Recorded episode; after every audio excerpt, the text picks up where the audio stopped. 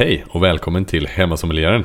Erik Ledén sitter där med. Ja, Fredrik Lindfors. Fredrik, jättetrevligt. Erik, alltid lika kul. Sitta här igen med dig och Ex- tjata om vin. Ja, exakt. Och du ska ta mig med ut på lite resa idag igen, vilket jag ju alltid gillar. Ja, vi har ju haft några avsnitt nu som kanske varit lite annorlunda med lite andra teman. Ja, men vi har haft lite gäster Ja. och hoppas det har varit uppskattat. Eh, Vi har tyckt det har varit väldigt kul i alla fall. Innan vi drar igång det, dagens avsnitt skulle vi vilja tacka alla som följer oss på Instagram. Det är väldigt roligt. Och eh, Fredrik, du lägger upp ganska mycket content där.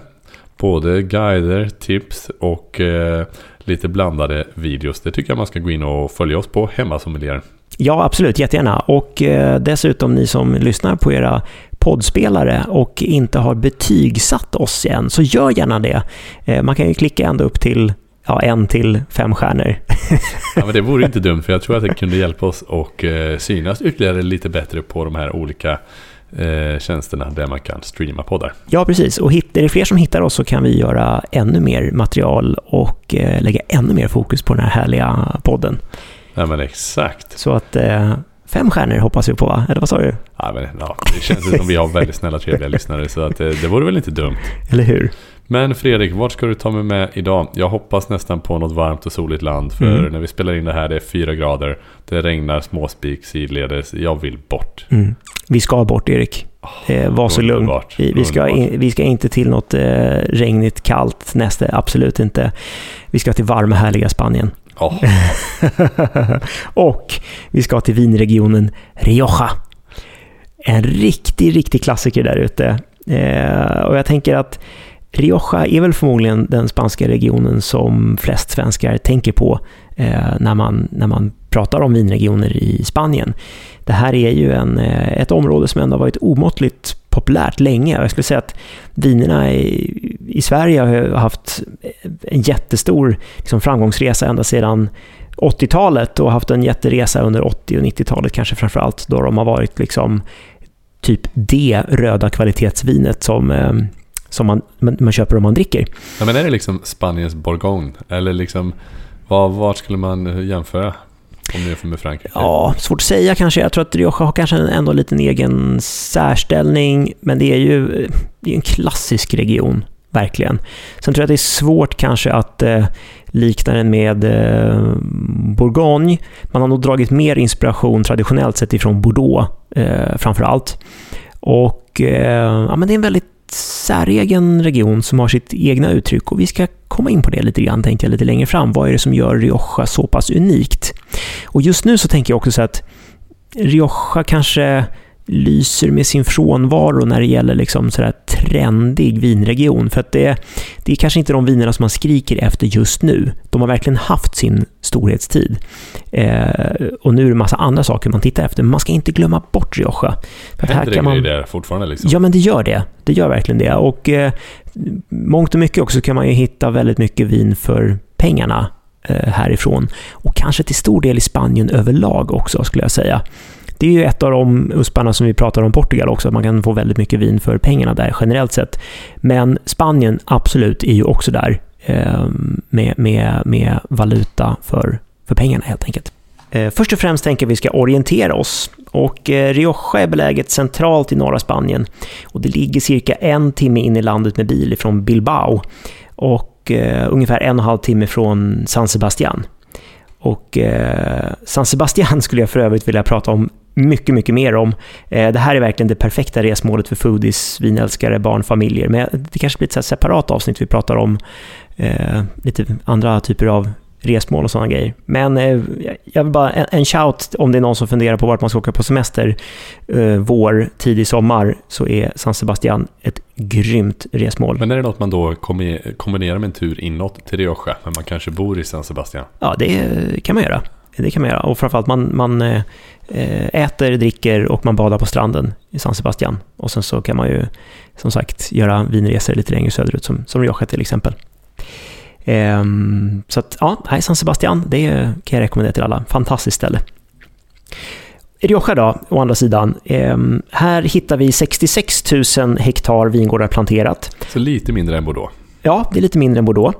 Eh, och det var också den första regionen i Spanien som tilldelades den högsta kvalitetsklassen som kallas för DOCA.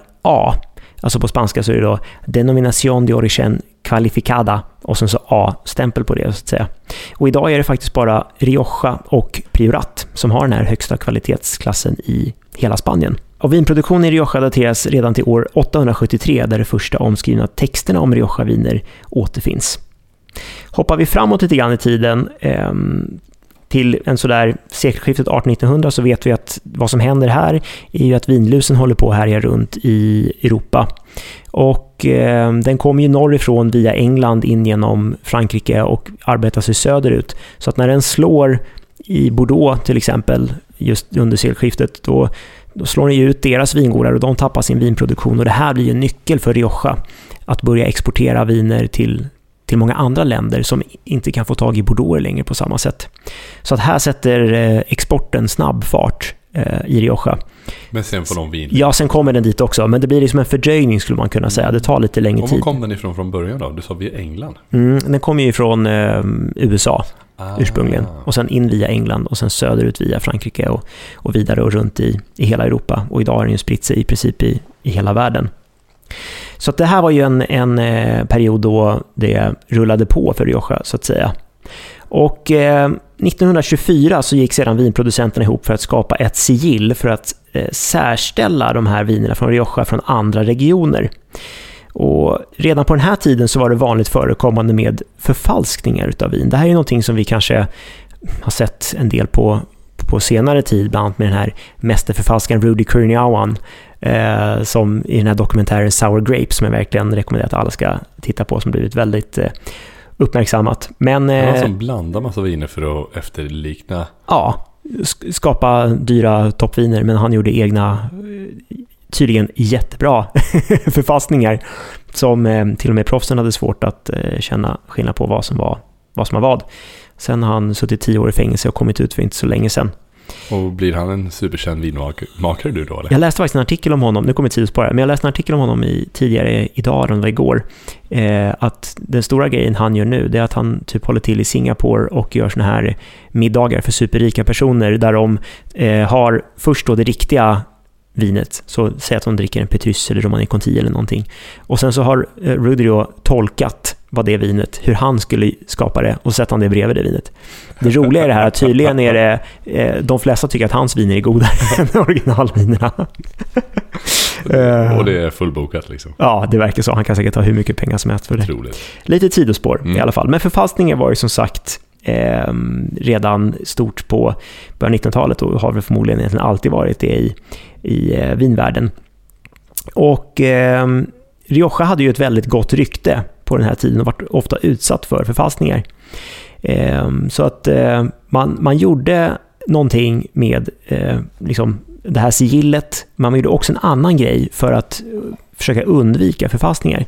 Har du sett på vissa, det är framförallt vissa Rioja-viner, men, men jag kommer på lite andra viner också, att man ser sånt här metallnät som sitter runt flaskan. Ja, runt hela. Jag sett mm. typ i så här, ja, gula. Mm, precis. Mm. Yes. Så det där var egentligen ett sånt, eh, vad ska man säga, typ av eh, ja, men sigill som man skapade för att eh, då säkerställa att vinet inte var förfalskat. Nu för tiden så betyder ju, nu gör man lite tvärtom, för att nu sitter ju liksom bara det här eh, ja, metallhöljet, liksom så, eller den här ståltråden, bara utanpå flaskan och den kan du ju lätt ta av och du skulle lätt kunna ta på en ny. Men på den här tiden så gjorde man faktiskt så att du satte etiketten utanpå det här metallhöljet. Så det innebar att när du skulle öppna flaskan så var du tvungen att dra av eh, den här ståltråden och då innebar att då drog du också av, alltså drog upp etiketten. Och, etiketten var ju då liksom som ett sigill även det också. Mm, smart. Och då eh, visste du ifall flaskan hade varit brukad eller inte. Så det där är liksom någonting som sitter kvar på, på en del vinflaskor än idag. Eh, men nu är det mer där som att ja, den har alltid varit där, så vi har väl kvar den som en liten marknadsföringsjippo-grej. Den fyller liksom ingen annan eh, funktion, skulle man kunna säga. Eh, så det är lite intressant att veta om varför den finns där. Och eh, 1925 så bildas eh, DO Rioja, alltså själva denominationen då så att säga. Och eh, det innebär att rent juridiskt så får Rioja ett eh, ursprungsskydd. Och sen så då eh, först 1991 så lyfts det upp till det här DOCA, då, så att säga, den högsta kvalitetsklassen som de har i Spanien. Så att spanjorerna är väldigt stolta själva över sina Rioja-viner. De får heller inte buteljeras på något annat material än glasflaska. Så att du kommer inte hitta några Rioja i bag-in-box eller något PET eller papp eller burk eller sådana saker. Det var ju en väldigt intressant mm. klausul. Så det står faktiskt i deras regelverk att Rioja måste komma på, eh, på glasflaska, helt enkelt. Tittar man till det geografiska så delas Rioja in i tre stycken underregioner med eh, Rioja Alta i väst, alltså högländerna i Rioja.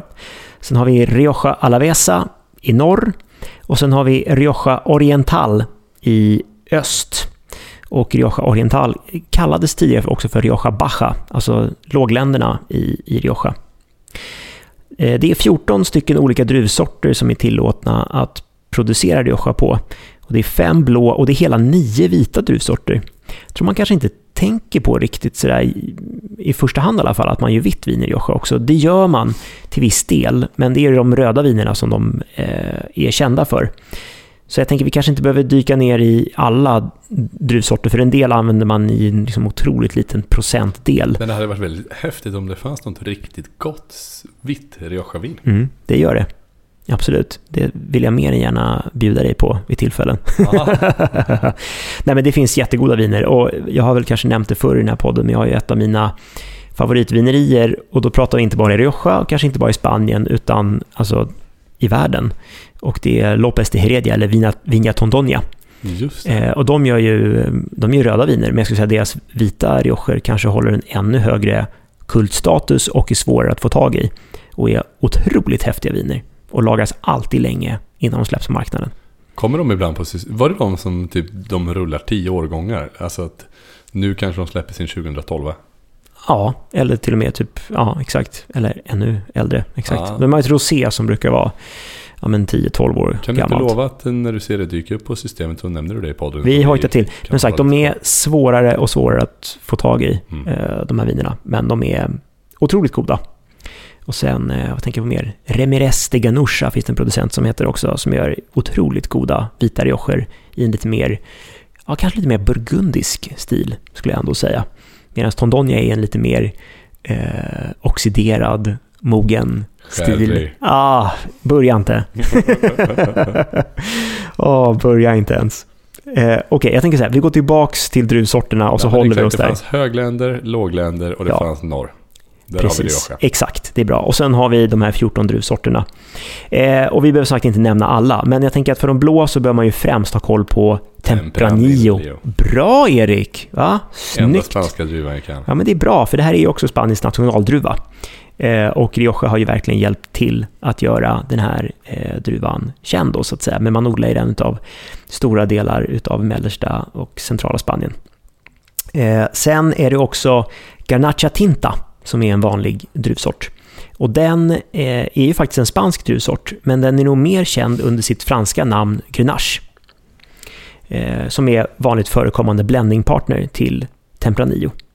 Och sen finns det ett gäng andra som vi kanske inte behöver fördjupa oss alldeles för mycket i på de blå. Det är de, det är de blå druvsorterna tycker man ändå bör ha eh, lite hum om. Och sen har vi, för de vita vinerna då, då är det främst viora som man gör vitt vin på. Och det här är också samma druvsort eh, som man till exempel när man producerar cava kallar för Macabeo. Så i Katalonien kallar man för Macabeo och i Rioja kallar man den för Viura. Vi landar ju ofta här när vi pratar om viner i våra avsnitt att synonymer. Mm. Det finns många olika namn på, på samma druvsorter, fast i olika regioner så heter de olika saker. Eh, väldigt förvirrande och ibland så är det samma druvsortsnamn fast det är helt olika druvsorter i olika regioner. Så att det här blir man aldrig klok på. Det finns ingen tumregel utan det här får man liksom bara försöka, ja, så är det. Bara lära sig. bara lära sig. så är det. Ehm, men det är några andra vita druvsorter som jag använder också, bland annat eh, eh, Malvasia. Och sen finns det också eh, vita kloner på både Tempranillo och på Garnacha Tinta. Så då heter de Garnacha Blanca eller Tempranillo Blanco stöter man också på. Och sen så kan jag ju bara nämna, bara för nämnandets skull, men man får använda både Chardonnay och Sauvignon Blanc som blending partners för vita viner. Men som sagt, Tempranillo för blådruvor, och röda viner. Det är nog det vi behöver lägga störst fokus på. För Tempranillo utgör hela 80% av odlingsarealen i Rioja. Så att, eh, okay, det är dominant. Det är klart, klart dominant. Tittar vi vidare sen lite grann, vi pratade om de här tre olika regionerna då, men många av de här traditionella Rioja-bodegerna, de hittar man i Rioja Alta, alltså i högländerna som man hittar uppe i väst. Och här uppe i eh, Rioja Alta så ligger också en by som heter Aro, alltså H-A-R-O, Haro, men uttalas Aro, eh, där många av de här eh, bodegerna är centrerade kring. Och eh, jag vet, jag la upp på Instagram för bara några veckor sedan och rekommenderade olika sådana här eh, vinfester man kan åka på. Just det. Och då var den här Battaglia del Vino, där man eh, har typ vattenkrig fast med vin istället. Den äger rum i Aro i Rioja. Så att det är stark rekommendation att, att åka dit i så fall. Och tittar man till då underregionen Rioja Alta så kännetecknas den av lite högre höjd, det är lite svalare klimat, Eh, vinerna får alltså en lite längre växtperiod och ger viner med lite mer markerad syra, friskhet och potentiellt eh, lång livslängd.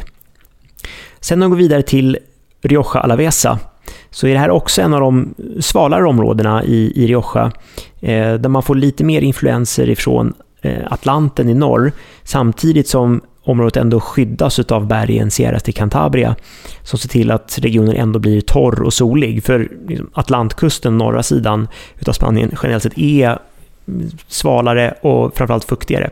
Det regnar mycket mer här.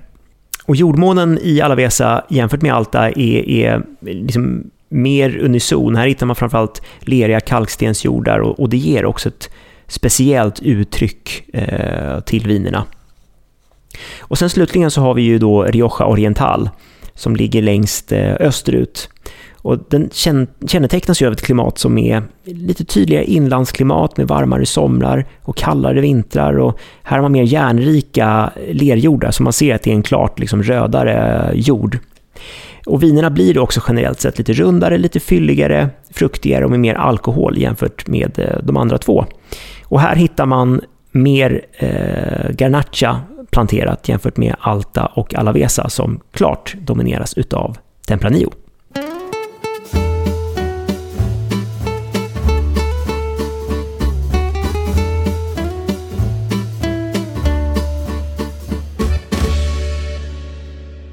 mycket bakgrund och fakta och sådana saker om Rioja.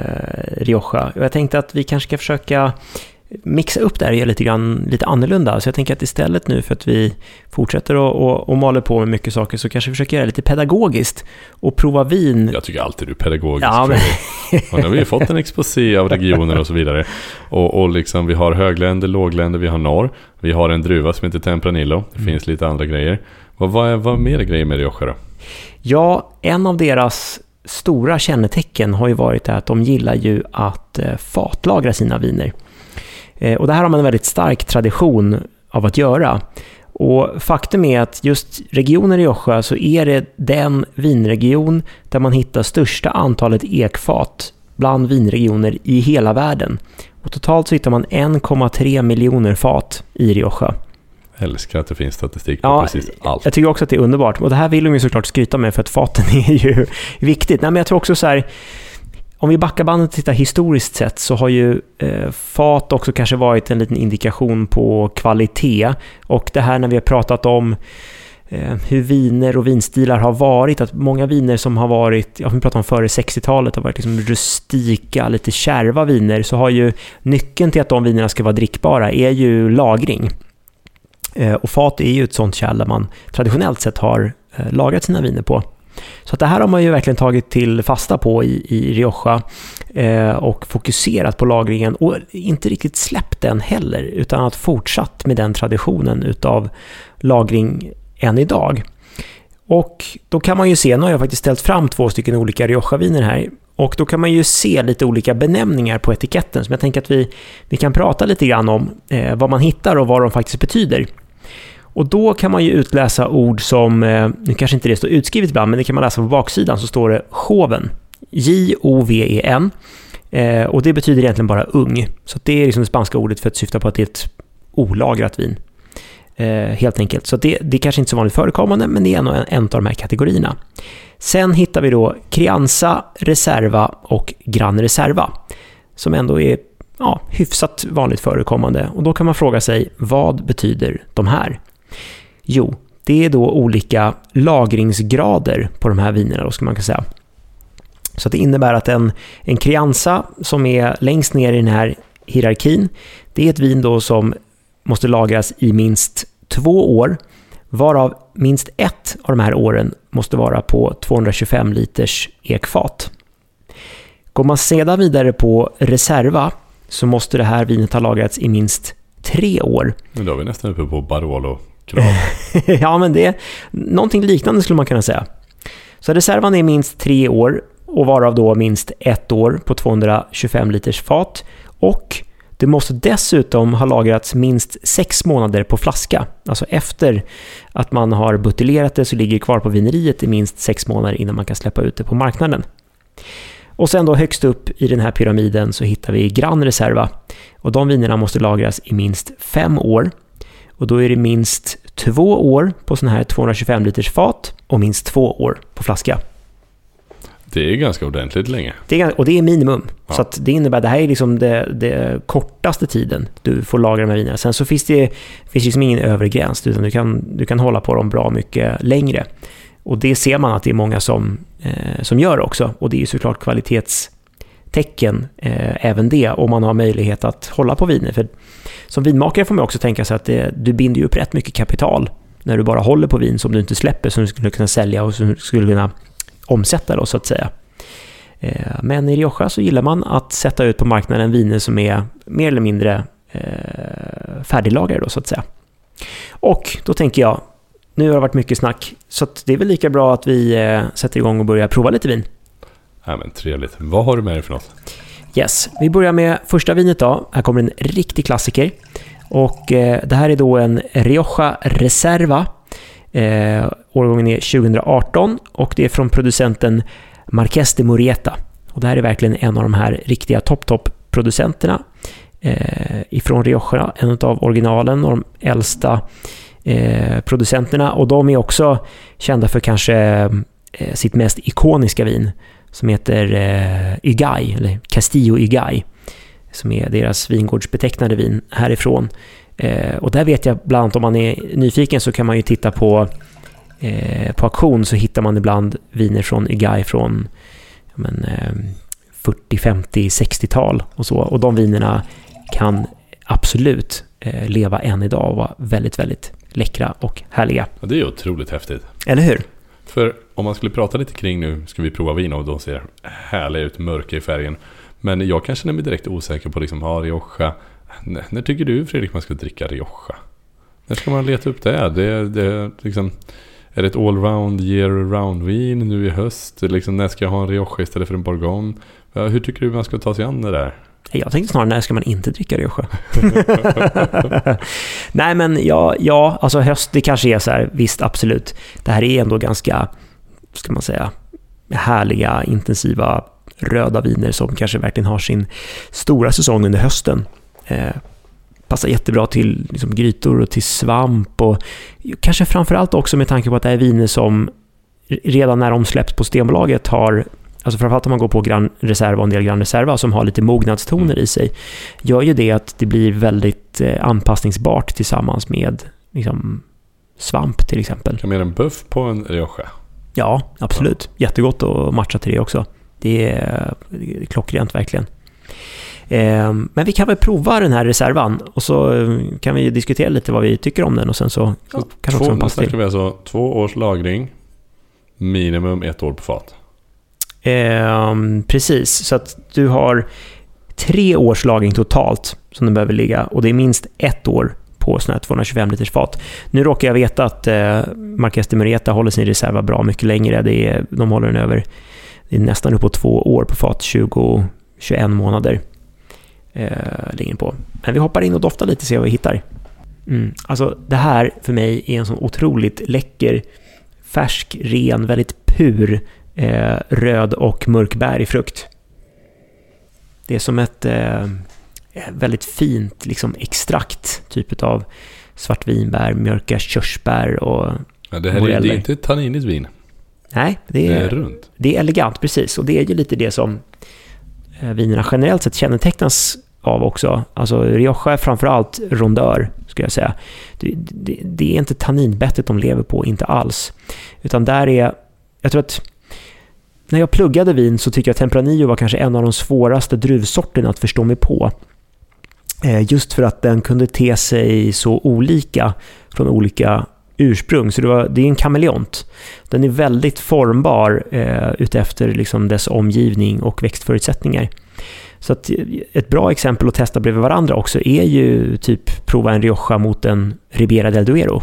Och i Ribera så är det ju också Tempranillo som gäller. Men där blir vinerna mycket eldigare, kraftfullare, fylligare, större på alla sätt. Djupare färg och allting. Medan Riojerna blir mjukare och, eh, och lättare. Men det finns också en fin, liksom lite lätt kryddig örtighet i det här. Man kan hitta liksom lite läder, det finns lite söt tobak. Det finns eh, många lager i det här vinet. Ja, men läder och söt tobak kan jag verkligen köpa. Jag Mm. tycker det var gott. Mm. Ja, men det är verkligen ett eh, kanongott vin. Och sen smakmässigt så är det ju, det är ju väldigt, väldigt liksom, väl integrerat, väl polerat, snyggt. Allt sitter på rätt ställe. Fin syra, men det är inte för mycket. Tanninerna är liksom, den bär upp vinet, men det, är- de är inte överväldigande. Utan det här är, liksom, det är, det är ett vin som är en, ja, men har en väldigt snygg kostym på sig, som sitter väldigt väl sniden. Och eh, för det här vinet också, det som är rätt vanligt för, för eh, Rioja-viner generellt sett, när vi pratar om att de har 1,3 miljoner ekfat, det är att den största delen av de här ekfaten är också amerikansk ek. Och eh, amerikansk ek ger ju generellt sett lite mer eh, alltså sötaktig karaktär, lite sådär vanilj och kokos och, och lite så söta bakkryddor. Så att här tycker jag ändå att det är inte för mycket, utan det, det finns lite av den här sötkryddigheten, men, eh, men inte alls det här liksom, kvalmiga vaniljkaraktären. Men ett väldigt, väldigt väl sammansatt och, och elegant vin, skulle jag säga. Ja men verkligen. Och det här går att få tag på systemet. Yes, Vad snackar vi för pris? det ligger på Systembolaget. Ja, vad ligger det på? Eh, 200 Mm. kronor omkring. Strax över 200 vill jag minnas. Jag är så dålig, för jag köper vin så kommer jag aldrig ihåg vad jag har betalat för vinerna. Sämsta konsumentupplysningen. jag köper viner som jag tycker är goda. och så blir det så. Nej, men den ligger där någonstans, strax över 200 kronor. Eh, väldigt gott i alla fall. Och eh, ja, vill man ha böff till det här?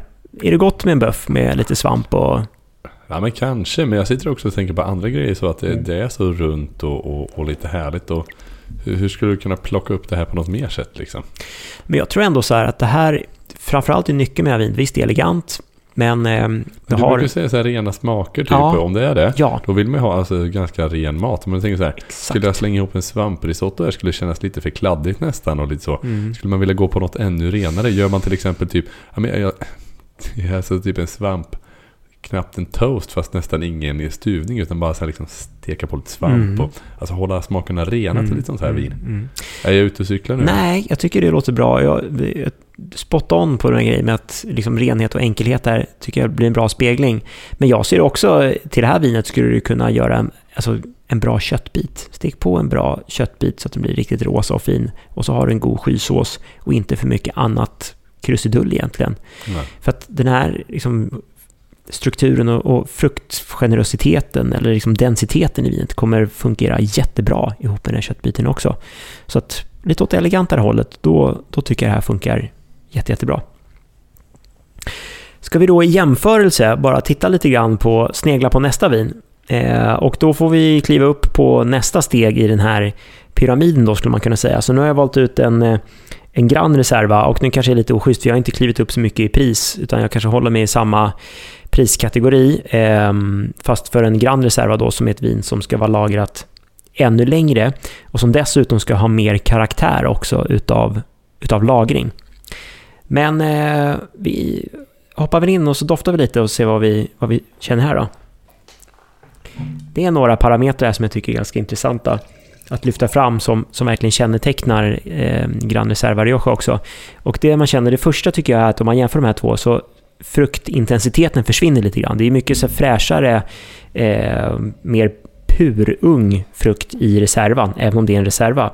Men den, den liksom klingar mycket klarare. Här känner man att det börjar dra lite mer åt torkad frukt. Lite mer av de här torkade bären som sagt. Och sen så kommer hela de här kryddiga eh, aspekterna kommer fram ännu mer. Så lite mer torkat och lite mer av det här kryddiga. Sen finns det vissa karaktärer som man säger att man, man hittar ganska ofta i ja, Rioja säger man, men jag tycker framförallt i Grand Reserva att det är framträdande. Och eh, då brukar man prata om eh, dill som ton. Och då kan en del säga att de tycker att det liksom doftar dillchips, dill eller kräftspad. Eh, och jag tycker att man får, det kanske inte skriker om det här, men man känner ändå lite utav den eh, liksom dilliga karaktären. Och då frågar du säkert Erik så här, var kommer den ifrån? Hur känner man Ja, men både det och dels är det något du kan utnyttja när du typ tävlar i blindprovning liksom? Mm. Jag skulle säga att det är en tell. Inte nödvändigtvis att det är en Rioja, men det är en karaktär som brukar uppstå när viner har lagrats väldigt länge på fat. Så kan det uppstå den här dill-karaktären. Så det är inte unikt för Rioja, men Rioja är ju den region som är mest känd för att ha sina viner lagrade extra länge på fat. Ehm, och någonstans, som med mycket, eh, ju ju bättre druvmaterial du, alltså ju högre kvalitet du har på dina druvor som du lägger på fat, desto mindre kommer fatet avspegla sig i vinet sen. Har, häller du ett enklare vin på fat och håller det länge på fat så kommer fatkaraktären lysa igenom ännu mer. Var det begripligt eller lät det Kan du konstigt? förtydliga det en gång till? Ja. Okej. Ju högre druvkvalitet du har, alltså ju Ja, bättre... fina druvor, jag har exakt. plockat riktigt dina toppdruvor. Ja. Lagrar du dem länge på fat så kommer faten ge ifrån sig mindre karaktär utav faten i det Ja, för slutgiltiga vinet. druvorna har så mycket från början. Exakt, de kan liksom, man kan säga att druven, det här vinet då, alltså druvmusten äter liksom faten så den klarar av det. Men har du ett, ett lägre kvalitet då till exempel eh, på, på druvor som går in i det vinet på fat så kommer du känna faten tydligare. Just det. Lite tydligt i alla fall. Och hur ska man tänka då kring lagring och sådär? För liksom, här kan man då gå och köpa en Grand Reserva Rioja och sådär. Är det något man ska gå och göra och lagra ännu längre hemma? Eller är de liksom bara klara? olika skulle jag säga. Det beror på. Ehm, Det handlar nog också vilken prislapp man handlar för. Och jag var lite chockad när jag gick in på Systembolagets hemsida och tittade på, för jag skulle göra lite research för vilka Grand som fanns tillgängliga. Och eh, jag blev häpnad när jag hittar Grand Reserva Rioja för 119 kronor. det är liksom, nej men det är otroligt. 119 kronor för ett vin som måste ha lagrats i minst fem år. Ja. Då pratar vi liksom bara lagringstid. Då har vi inte ens kommit in på vad du behöver betalt för liksom druvsorterna, arbetare, vineriet, flaska, etikett, transport, alkoholskatt, eh, Systembolagets andel, importör. Alltså det är, Ja, hur får de ihop det? nej men det är det man undrar. Det är liksom inga pengar kvar i slutändan.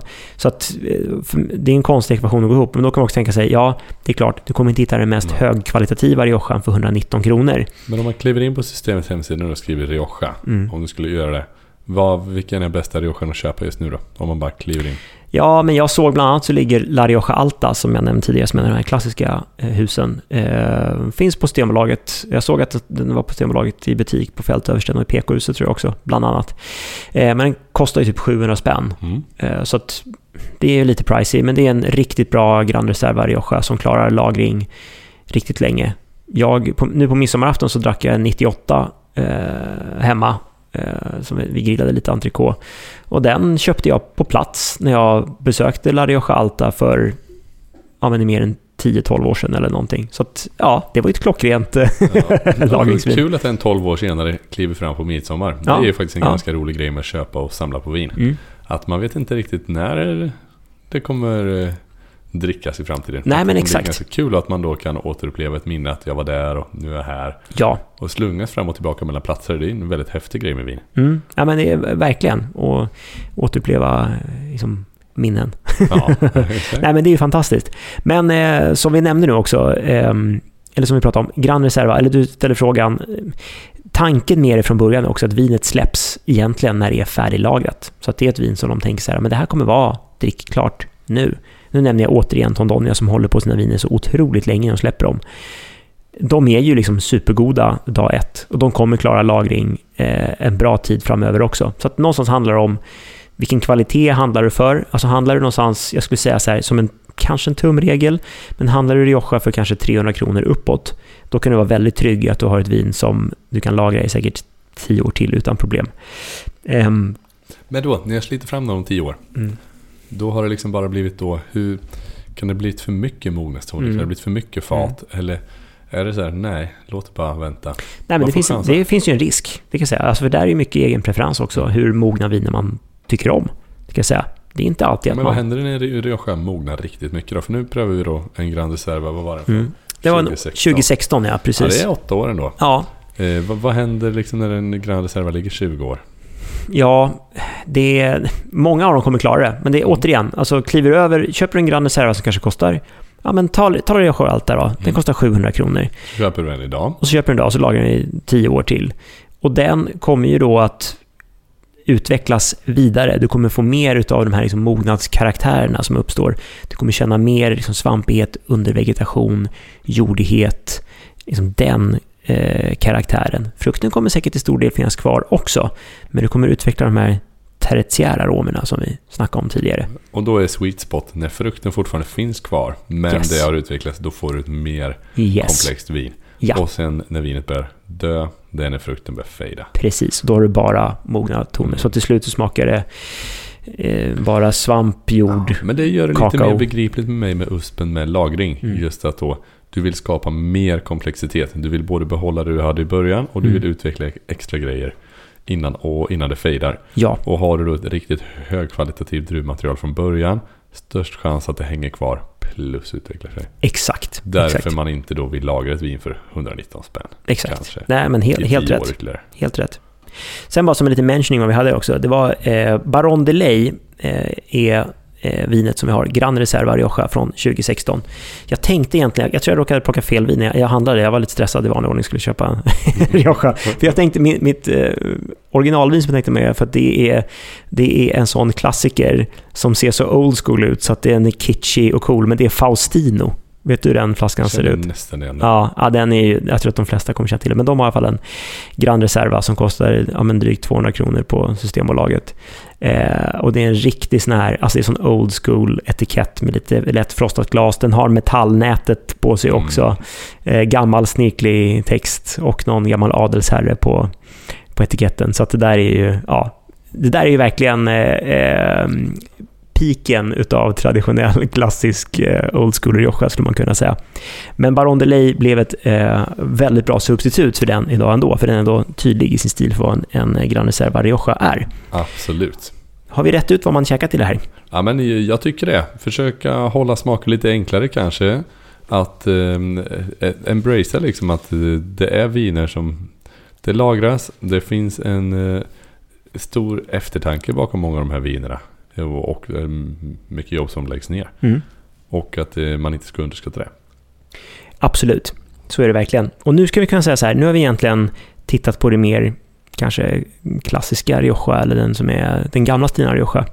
Sen skedde det ju någonting under eh, liksom början 1990-talet och eh, tidigt 2000 när man såg att eh, liksom försäljningen började dana och, och, det var inte liksom lika populärt längre med den här liksom gamla kanske mossiga stilen Rioja, I don't know. Men då dök någonting som man kallar, kallar det för det nya Rioja, eller det moderna Rioja upp. Och då var det så här, men som det alltid är, som när vi besöker massa andra vinregioner, det kommer en, en motreaktion till de här vinerna, för att de kanske är lite för populära också. Så kommer en ny generation som vill göra någonting annat. Och i Rioja då, ja men uppenbarligen det traditionella, det är att lagra på fat. Så då kommer en generation som, nej, men vi ska jobba minimalt med fat. Mm, eh, exakt, och göra viner som, alltså visst, de ligger ändå på fat, men de kanske gör det in mer, som du skulle göra i vilken annan vinregion som helst. Eller kanske titta mot hur man gör i, i Bordeaux och kanske köra med mer fransk ek. För annars skulle jag säga att det är vanligt att man hittar amerikansk ek. Så fransk ek och kanske ha mer kolad ek så du får mer liksom rostad smak från dem och göra Rioja-vin som kanske är lite djupare, intensivare och kanske drar lite mer mot den Ribera del Duero-hållet. Så att den liksom moderna stilen av Rioja. Så den eh, gjorde väl en liten resa under början på 2000-talet och sådär. Sen tror jag det känns som att den har kanske lagt sig lite grann och nu eh, kanske de här klassiska Riojorna börjar titta fram istället och folk börjar återupptäcka dem och faktiskt tycka att det är eh, coola och eh, goda viner. Något annat som är väldigt unikt med Rioja också, det är om man, om man lyckas resa dit, så det är fantastisk arkitektur. Alltså det, de här vinerierna är ju riktiga skrytbyggen, många utav dem. Så åker man till eh, eh, Riscal, som vi pratade om eh, tidigare också, med en av de här liksom, gamla bodegerna. Så kommer man dit och så kanske man förväntar sig att man ska komma till något eh, gammalt skjul eller någonting. Nej, nej. Det där är ett toppmodernt skrytbygge som är designat av Frank Gehry. Oj, oj, oj. och Frank Gehry som också gjort Guggenheim-museet mm. i Bilbao. Alltså det är så himla häftigt. Eh, och sen finns det Ysios, ett jätteläckert eh, eh, vineri som man hittar också, som har ett så böljande läckert tak. Och, och även Vigna Tondonia. Som är, visst, när man går in i vineriet, de har en gammal del också. Vineriet är också helt täckt, det är mögel, spindelnät, det är gamla fat. Det, där städas det liksom inte, för det är deras, det är deras filosofi. De vill ha eh, liksom, den kulturen i, i, i vineriet. Då, då Men så har de en, en, eh, en modern del eh, också, som är super, super läckert och nästan spejsat eh, arkitektdesignat också. Jätte, jättehäftigt. Ja, men det nya möter det gamla. Exakt. Mm. Så det, och det är lite där Rioja står också, någonstans i, i, med den gamla stilen möter den moderna stilen och, och nya generationer och lite sådana här saker. Så det är häftigt. Och sen måste vi också prata om Rioja och mat. Alltså ska man resa, mitt tips, jag gjorde en fantastisk resa för ett par år sedan, då vi Ehm, med ett par kompisar, vi flög till Biarritz och det är, det är ju Frankrike och det är inte så långt ifrån San Sebastian. Så att då tog vi en flygbuss faktiskt, tror man kunde ta, stod 40 minuter från Biarritz till San Sebastian och så ett par, par dagar där. Och så äter man och så badar man och så mår man toppen och så går man på alla såna här fantastiska tapaställen och dricker vin som inte kostar någonting. Spanjorerna tar ju orimligt lite betalt för sina viner också, vilket är en fantastisk fördel måste jag säga. Och sen så drar man ner till Rioja och så åker man till Logroño, som är liksom den stora eh, staden.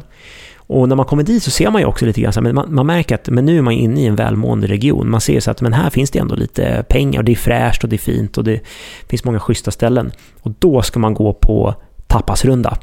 Eh, lite på samma grej som man kanske gärna gör i, i, eh, i San Sebastian, går runt på de här pinchos eh, tapasställena. Exakt, man gör det där. Så gör det i Logroño, exakt. Och det här är superhäftigt. Alltså, det finns några sådana här eh, man inte får missa ställen i Logroño. Och bland annat så finns det ett eh, mycket beryktat ställe som heter Bar Soriano. De har bara en grej på menyn. De serverar alltså en tappa som de eh, steker, då, men då är det typ baguette och sen får du champinjon i ett vitlökssmör. That's it. Det wow. låter så himla enkelt. Det är brutalt gott. Alltså det, är, och det, är det där all... har de dragit ner till perfektion. Exakt. Och det är alltid fullt med folk runt wow. omkring. För man brukar säga så här, lite få rätter på menyn kan ofta vara tecken på kvalitet. Och ja. det, där var, det där var väldigt få rätter på menyn. De, de gör en grej. Du liksom står, så står du där utanför och sen så dricker du, dricker du vin i något väldigt eh, enkelt glas. Eh, så mår du toppen och sen så får du liksom bara de här champinjon eh, tapasarna serverade som är helt fantastiskt goda. Eh, stark, stark rekommendation. Men det låter väldigt trevligt. Innan vi avslutar bara, om jag nu ska kliva in på lite vit rioja, kanske hitta något på systemet. Hur, hur går jag tillväga för att dissekera vad jag eventuellt ska käka till det då? Ja, bra fråga. Eh, och jag skulle säga att vit rioja är svårt. Eh, det finns ju en del billig vit rioja som kan vara... Man köper en dyr då? Ja. 200? Då beror det på stil också lite grann skulle jag säga. Man ska ju då kanske hitta någonting som kanske är en, alltså beroende på, men en modern stil som har lite, som kanske är fatjäst och som får lite krämigare uttryck, som, som drar som sagt lite kanske åt bourgognehållet kan de ibland göra. Framförallt om man dricker sådana här bra producenter som jag nämnde, Remeres de Ganoucha, mm. som är en av mina eh, favoriter, framförallt när det kommer till vita viner. Eh, men där är det ju så klockrent fiskvin. Vit fisk, vit sås, kanske någon liten romkorn i, de bitarna. Som, som, ja, om det är säsong, absolut. Mm. Nej, men så. Fungerar såklart i alla typer av Visst, det är gott till lax också. Du kan ha hollandaise eller sandefjordsås och alla såna här saker också. Det, det kommer gå jättebra. Så det är ett mångfacetterat och mångsidigt vin. Sen har du de här jättetraditionella vita riocherna, som då Vigna Tondonia till exempel. Där du har mer av det här liksom mogna, nötiga eh, karaktärerna. Och då är det ju kul att få in lite sådana element i, eh, i maträtten också. Kanske ha lite rostade hasselnötter eller få i lite svamp och sådär med fisken. Så blir det riktigt, eh, riktigt schysst helt enkelt. Sen äter de ju en hel del spädgris eh, och lamm och sådana grejer i Rioja också. Och det skulle jag säga att det är ju klockrena partners, eh, framförallt till de röda vinerna, om man tittar efter någonting som är lite allround. Eh, rustika härliga lammgrytor är väl eh, jättegott, eller eh, ribs, eller sån här lamm... Eh, vad heter det? Racks. Racks, lammracks tänker jag på. Ja, det är ju fantastiskt bra till. Bara ge det en liten vitlöksrub på med lite örter så serverar du en god eh, Rioja till det så kommer du vara helt hemma. Det låter som en riktigt trevlig kombo faktiskt. Mm, mm. Ja, det är, det är ruggigt, ruggigt gott. Eh, och sen Logroño också, jag, bara, jag vill bara titta, nu nämner jag bara ett ställe som är Bar Soriano, men det finns många andra roliga knasiga ställen som man kan gå runt på. Så man ska hoppa runt, man går på den här huvudgatan som heter Calle Laurel och sen så går man mellan de här olika tapasbarerna och så käkar man, jag vet vi åt eh, så här mackor med grisöron och det var faktiskt otippat gott. Och sen hittar man ju så vanliga grejer också, det är pata negra och serrano och manchego och allt möjligt sånt där också. Så det finns någonting för alla där. Så att... Eh, Ja, men Rioja alltså. Trevligt. Mm. Inte så dumt. Erik, eh, skål. Ja, men skål Fredrik. Tack för idag. Ja. Du verkar gilla vinerna i alla fall, det är jag glad för. Ja, men verkligen. verkligen. Livade upp den här höstkvällen. Eller hur? Ja, tack för idag.